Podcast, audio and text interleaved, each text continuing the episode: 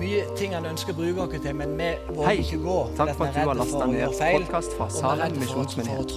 For å finne ut mer om oss, besøk vår hjemmeside før, men det er så talende enda mer etter med pappa sjøl. At når livet begynte å gå, så teller jo ikke jeg alle gangene hun falt. Eller alle gangene hun falt i dag, men jeg teller jo ikke skritt denne gangen. Men jeg er så stolt over at hun utvikler seg hele veien. Og sånn er det jo med Gud med oss òg. At han er så stolt av å se at vi beveger oss nærmere og nærmere Han. At vi kan få lov til å vandre mer i det som Han er for oss. Og det lengter Han så utrolig mye etter. Og Jeg håper det at i løpet av de minuttene jeg skal få lov til å snakke litt til dere, at du vil kjenne på at jeg lengter til mer av Jesus. Jeg lengter etter mer av det han er for meg. Jeg ønsker å leve 100% for han. Jeg ønsker å satse på det som han har lagt i livet mitt. Jeg ønsker ikke bare å gå i ei kirke og sitte på en benk, men jeg ønsker å være kirka overalt iblant andre mennesker. En av de deilige tingene misforstå meg rett når jeg sier det, med ikke være pastor, det er det at når jeg hilser på nye folk, og de spør hva jeg gjør, så er det ganske godt å kunne si for en gangs skyld at jeg er ikke pastor. Jeg sier ikke det, altså. Jeg sier at jeg er rektor. Og når jeg sier at jeg er rektor, så får du ofte en helt annen samtale med mennesker enn du får når jeg sier at jeg er pastor eller jeg sier at jeg er prest. For idet jeg sier det, så er det enten folk som med en gang skal begynne ja, men Jesus fins ikke. Eller alt det forferdelige som de kristne gjør. ikke sant? Eller så er du, Det er enten det, eller så er det ofte at da begynner folk å fortelle om alle problemene sine med en gang. Altså det Med en gang så er de på og forteller om alt de opplevde i livet sitt. Og det er ganske stor forskjell nå når jeg er rektor. For da kan jeg si at ja, jeg er rektor. Og da svarer de ofte med ja, men du er jo så ung. Går det an å være rektor når du er så ung? Så jeg, ja, det går an. Og så får vi en helt annen samtale enn en ofte gjør når jeg sier at jeg er pastor. Og Der er det mange av dere som har en fordel i møte med mennesker. At du bare kan si at om du er parkeringsvakt, ikke sant, så kan du si at jeg er parkeringsvakt. Eller jobber du i kommunen, så kan du si at du jobber i kommunen. Og så kan du lede samtalen ut ifra der. Og det har jeg merka at det er ganske stor forskjell i livet mitt. Jeg har fått noen ord, noen bibler, som jeg har lyst til å lese for dere. Det er noen vers som har fulgt meg hele dette året her. Og så jeg, jeg tenker på de ofte og undervist masse om de på bibelskolen der jeg er rektor. Og Det står Johannes kapittel 15. Kjente verset fra Johannes 15, og vers 1-5. Der står det, og det er Jesus som sier det. Johannes 15, vers 1-5. Jeg er det sanne vintre, og min far er vinbonden. Hver grein på meg som ikke bærer frukt, tar han bort, og hver grein som bærer frukt, renser han så den skal bære mer. Dere er alt rene på grunn av det ordet jeg har talt til dere. Bli i meg, sier Jesus, så blir jeg i dere. Slik som greinen ikke kan bære frukt av seg selv, men bare hvis den blir på vintreet, slik kan heller ikke dere bære frukt hvis dere ikke blir i meg. Jeg er vintreet, dere er greinene. Den som blir i meg og jeg i ham, bærer mye frukt. For uten meg altså Hør på dette verset her. For uten meg, sier Jesus, kan dere ingenting gjøre. Uten meg kan dere ingenting gjøre. Det er så fort gjort at vi, jeg iallfall i mitt liv, begynner i min, i min, egen kraft. Jeg begynner å gå på mine gaver, jeg begynner å gå på de, på de talentene som allerede ligger hos meg. Og så glemmer jeg mange ganger å ta med Jesus på veien. Og så blir det jo motsatt at, at Mange ganger så tenker vi at vi skal ta med Jesus der som vi skal, men egentlig så er det jo motsatt. At det er jo Jesus som tar oss med på den veien som han har skapt for oss.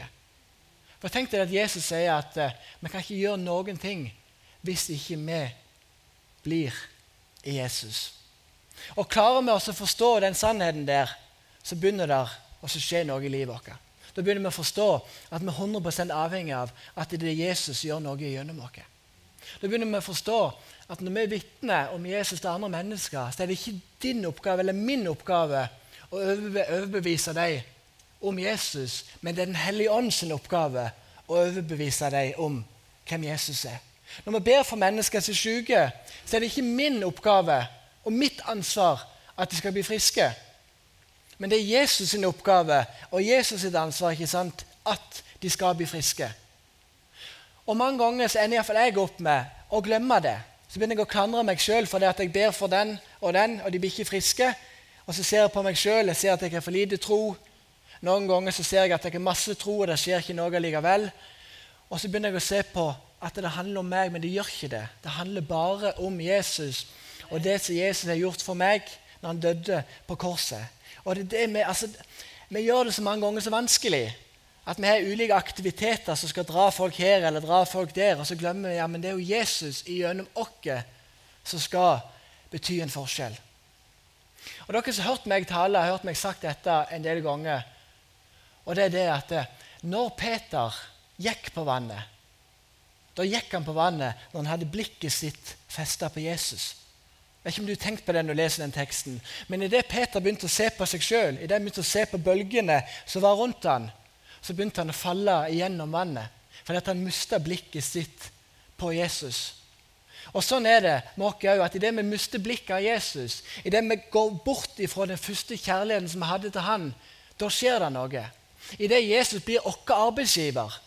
Og Jeg som jobber som pastor, kan virkelig si det, at det er mange ganger i løpet av de seks årene jeg jobber som pastor, at jeg plutselig merker at Jesus er blitt min arbeidsgiver og ikke min Gud. Ikke min venn. Jeg er ikke tjener hans på den måten lenger, men han er blitt en arbeidsgiver. Og det er jo da en begynner å få et problem. For dette Gud er ikke vår arbeidsgiver, men han er vår far. Han ønsker å lede dere, han ønsker å være sammen med dere. og han ønsker å se at du skal blomstre i de gavene som han har kalt deg til å blomstre i. Og Når vi begynner å forstå det, da skjer det noe. Når vi kan kjenne på den kjærligheten til Jesus som vi en gang hadde, da begynner det å skje noe. Jeg sier det noen ganger når jeg, når jeg vier par. Så sier jeg flere ganger i min bryllupstale at hvis gresset er grønnere på andre sida av gjerdet, så er det på tide å vanne sin egen hage. Og sånn er det mange ganger med Jesus. At Mange ganger så kan vi se på alt det som er, alt det som er der ute. Vi vil ha et nytt hus, vi, vi, vil ha en ny bil, vi føler at vi går glipp av det ene, ene og det andre. Og så glemmer vi å se på hva Jesus faktisk har gitt dere. Vi glemmer å se hvor heldige vi er at vi får lov til å kjenne Jesus som er Guds eneste sønn. At vi får lov til å kjenne Gud, som skapte universet, som skapte alt sammen. Så glemmer vi å se hvor stort det er. Så glemmer vi å se hvor heldige vi er. Så glemmer vi å se hvor heldige vi er at vi faktisk får lov til å tro på Jesus. Jeg møter stadig mennesker som ønsker å tro på Jesus. De prøver å tro på Jesus, men de klarer det ikke. Det er kjempetrist. Og Samtidig når jeg hører det, så kan jeg kjenne noen ganger på at tusen takk, Jesus, for at du har åpenbart deg for meg, sånn at jeg faktisk får lov til å kjenne deg og får lov til å kjenne den som du er. Jesus må være nummer én i livet vårt. Han må ikke være nummer to, han må ikke være nummer tre, men han må være det viktigste i livet vårt, og den viktigste personen som vi har. Der står det at den som blir i meg, bærer mye frukt. Så når vi er Jesus, når vi vandrer tett med Han, da bærer vi frukt. Da merker mennesker rundt dere at det er noe annerledes med dere. Og da kan, de stråle, og da kan det stråle ut ifra oss at vi kjenner Jesus, og at vi lever livet vårt for Han. Og Jeg tror jo at det går an å leve sånn at mennesker som ikke tror på Jesus, bare kan merke gjennom måten vi er på, at det er noe annerledes med oss. De merker at vi er en fred. De merker at selv om livet stormer, selv om livet er vanskelig, så kan de merke det, at det er noe med oss som gjør at vi har en ro med oss som de òg har lyst på. Og Det tror jeg du har merka sjøl mange ganger i ditt liv òg. Det står òg det at hver grein på meg som ikke bærer frukt, tar han bort.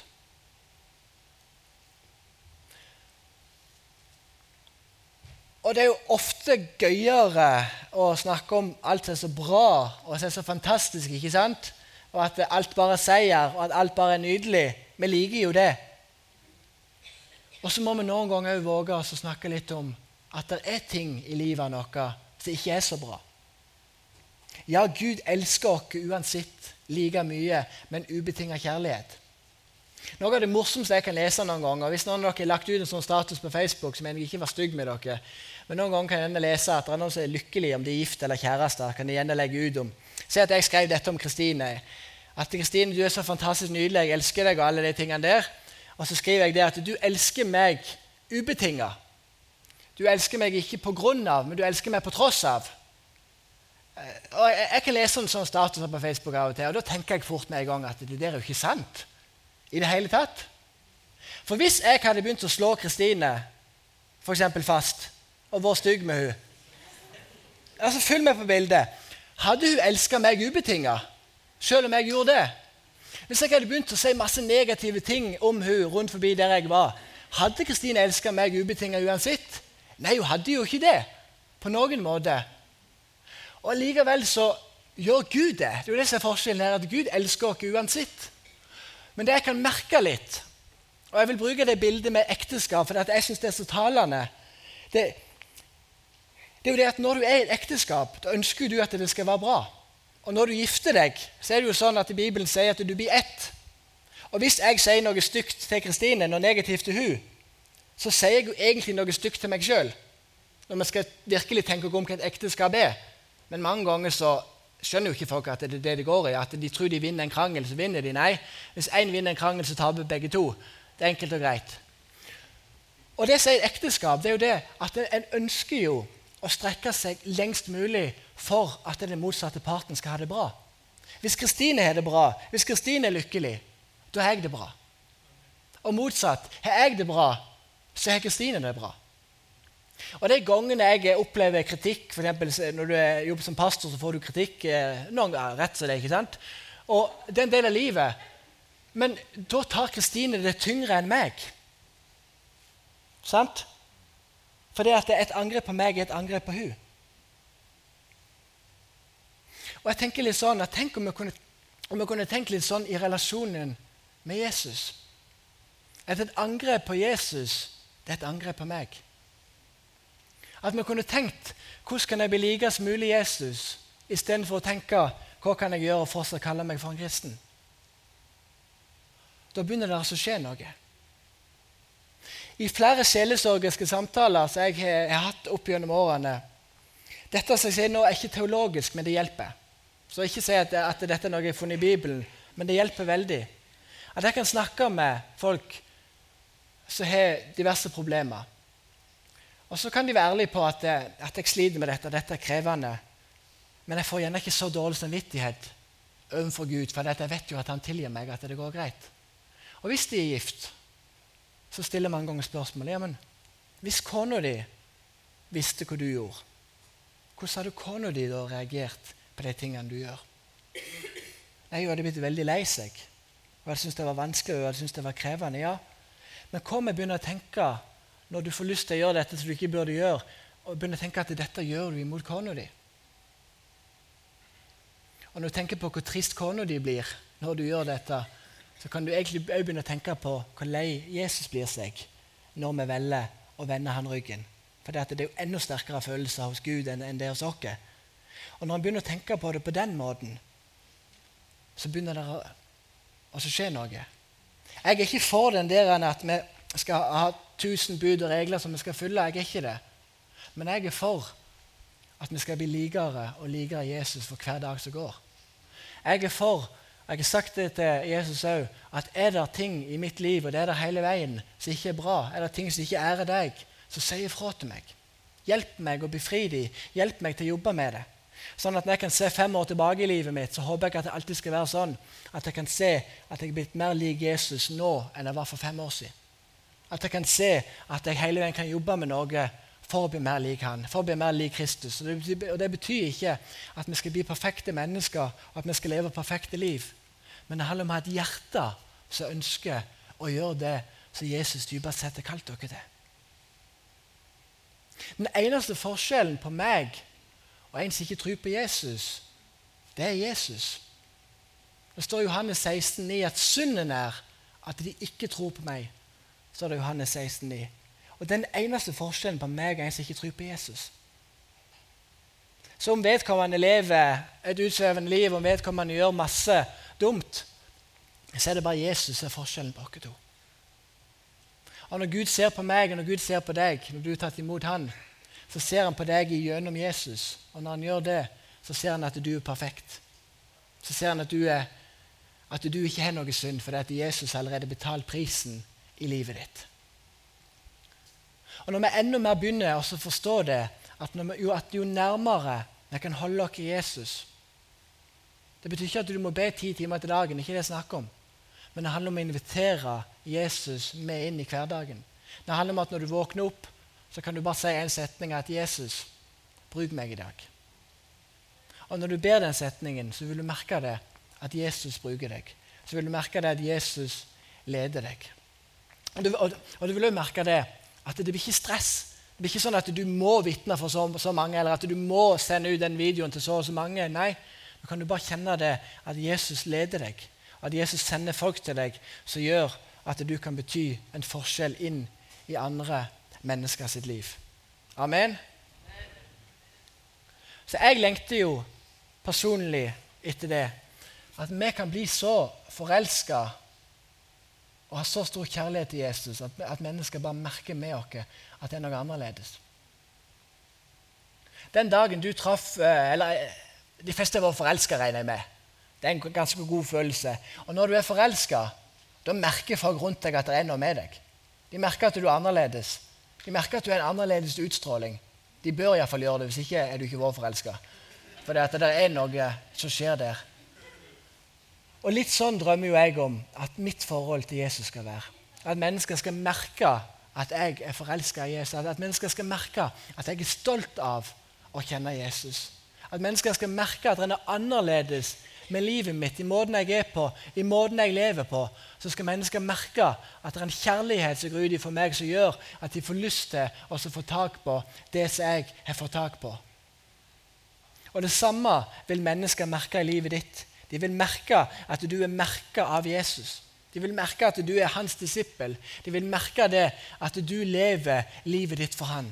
Og Når vi kan forstå at vi ikke kan gjøre noe i oss sjøl, men at det er Jesus som gjør det gjennom oss, da begynner det òg å skje ting. Da begynner vi også å få en litt annen forståelse av ting.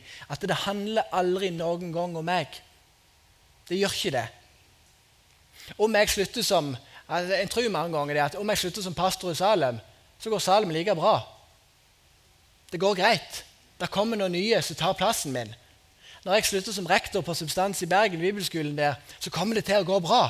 For det kommer til å komme noen andre personer som kommer til å ta plassen min. Og det er det som er så fantastisk.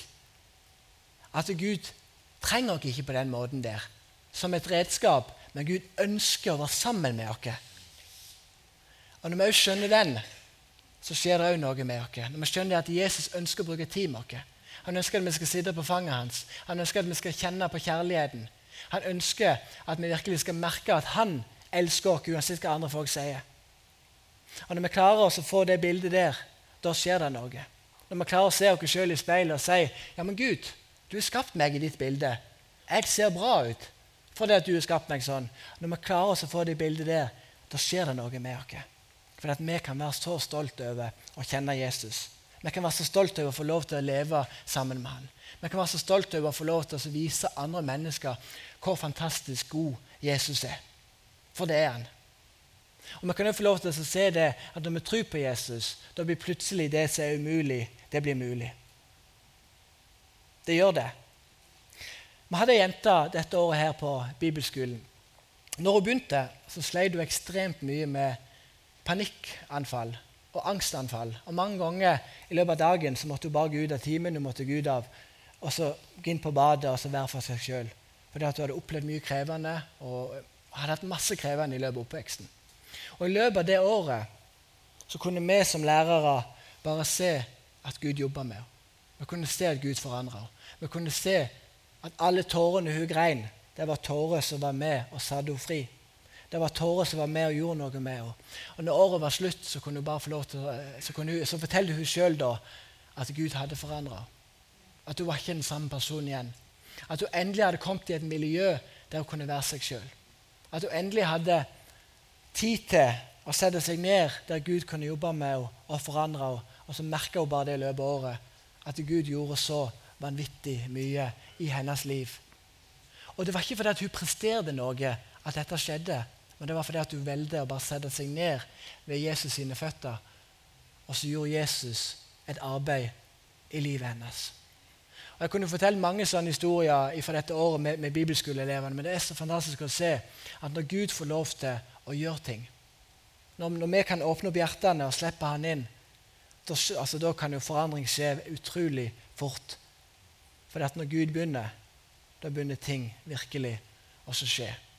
Vi kunne også se det at når vi var i Argentina, vi var nede der på misjonstur, så kunne vi også bare se at Gud møtte så, så mange av de unge bibelskoleelevene der nede. Mange av dem hadde aldri hatt et sterkt møte med Gud før. Kom de ned der, Det var ikke på noe møte heller, det var når vi hadde egne samlinger.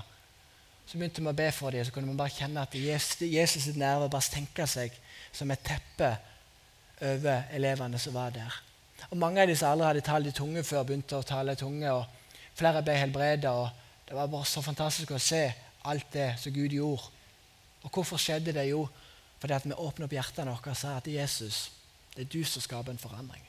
Jesus, det er du som gjør noe med dem. Jeg merker at jeg kommer til kort hele veien. Jeg kan vise kjærlighet, og det er det jeg kan gjøre. Men så er det Jesus og Den hellige ånd som går inn i menneskene og, gjør en forandring på innsida som gjør at de aldri blir den samme igjen. Så er du her inne, og du kjenner at det er vanskelig å leve livet ditt for Jesus. Det er vanskelig å slippe han til på alle områdene. Så jeg har lyst til å si til deg at jeg tror at dette her kan være kvelden der du kan få lov til å virkelig bare slippe ned alt framfor Jesus. Han vet alt om deg. Han vet hva som er krevende i livet ditt. Og han ønsker å møte deg. Han ønsker å være nær i livet ditt. Han ønsker at du virkelig skal få erfare at Jesus er full av kjærlighet. Han er full av nåde. Han er full av godhet. Og han lengter så utrolig mye etter deg. Han gjør det. Han lengter etter deg hver eneste dag fordi han ønsker bare å være sammen med deg. Og det er noe også å ta med seg. Jeg har lyst til å be en bønn, så skal jeg komme med en liten utfordring etterpå. Kjære Jesus, jeg takker deg for det at du er så god. Jeg takker deg for det at du er så fantastisk. Jeg takker deg for det at, at du elsker alle mennesker like mye. Uansett hva vi har gjort, far, så elsker du dere like mye. Uansett hva vi får til i livet, så elsker du dere like mye. Om vi er rike eller fattige, om vi er stor eller liten, om vi er godt utdannet eller ikke godt utdannet, far. uansett hva jobb vi har, om vi er arbeidsledige, så elsker du dere like mye, Jesus. Så står vi alle likt framfor deg. Og det er så godt å vite. Og hjelp oss, Jesus, til å kunne leve livet vårt for deg. Til å kunne leve livet vårt sammen med deg. Og hjelp oss til å se at vi kan ingenting gjøre uten deg, Jesus. Hjelp oss til å se at vi er 100 avhengig av at du griper inn i livet vårt, at du leder oss, at det er du som gjør jobben for oss. Sånn at vi kan kjenne at kristenlivet ikke er noe stress, men at det er det beste livet som noen gang kan leve for. Jeg vil be spesielt for mennesker som er inne i kveld, som kjenner på at det er at de er inne i en tung periode når det handler om troa på deg, Jesus. De har opplevd ting som er krevende. De har opplevd ting som er vanskelig. Og så lurer de på hvor du er. Jeg ber deg far, at du skal møte dem på en spesiell måte. At De som roper til deg at 'Hvor er du, Gud?' At du skal møte dem, så skal de kjenne at i kveld så besvarer du deres bønner. Og så er du nær dem på en måte de ikke er kjent på mange, mange, mange, mange år, Jesus. Det er bare å be deg om, far. I ditt gode navn. Amen. Jeg har lyst til å komme med en utfordring til slutt. her, at eh, Hvis du har lyst at noen skal be for deg Hvis du kjente at noe av dette som jeg talte om i kveld, at noe av det traff, så er du hjertelig velkommen til å komme bak i bønnerommet. altså Det er til høyre for meg, til venstre for dere.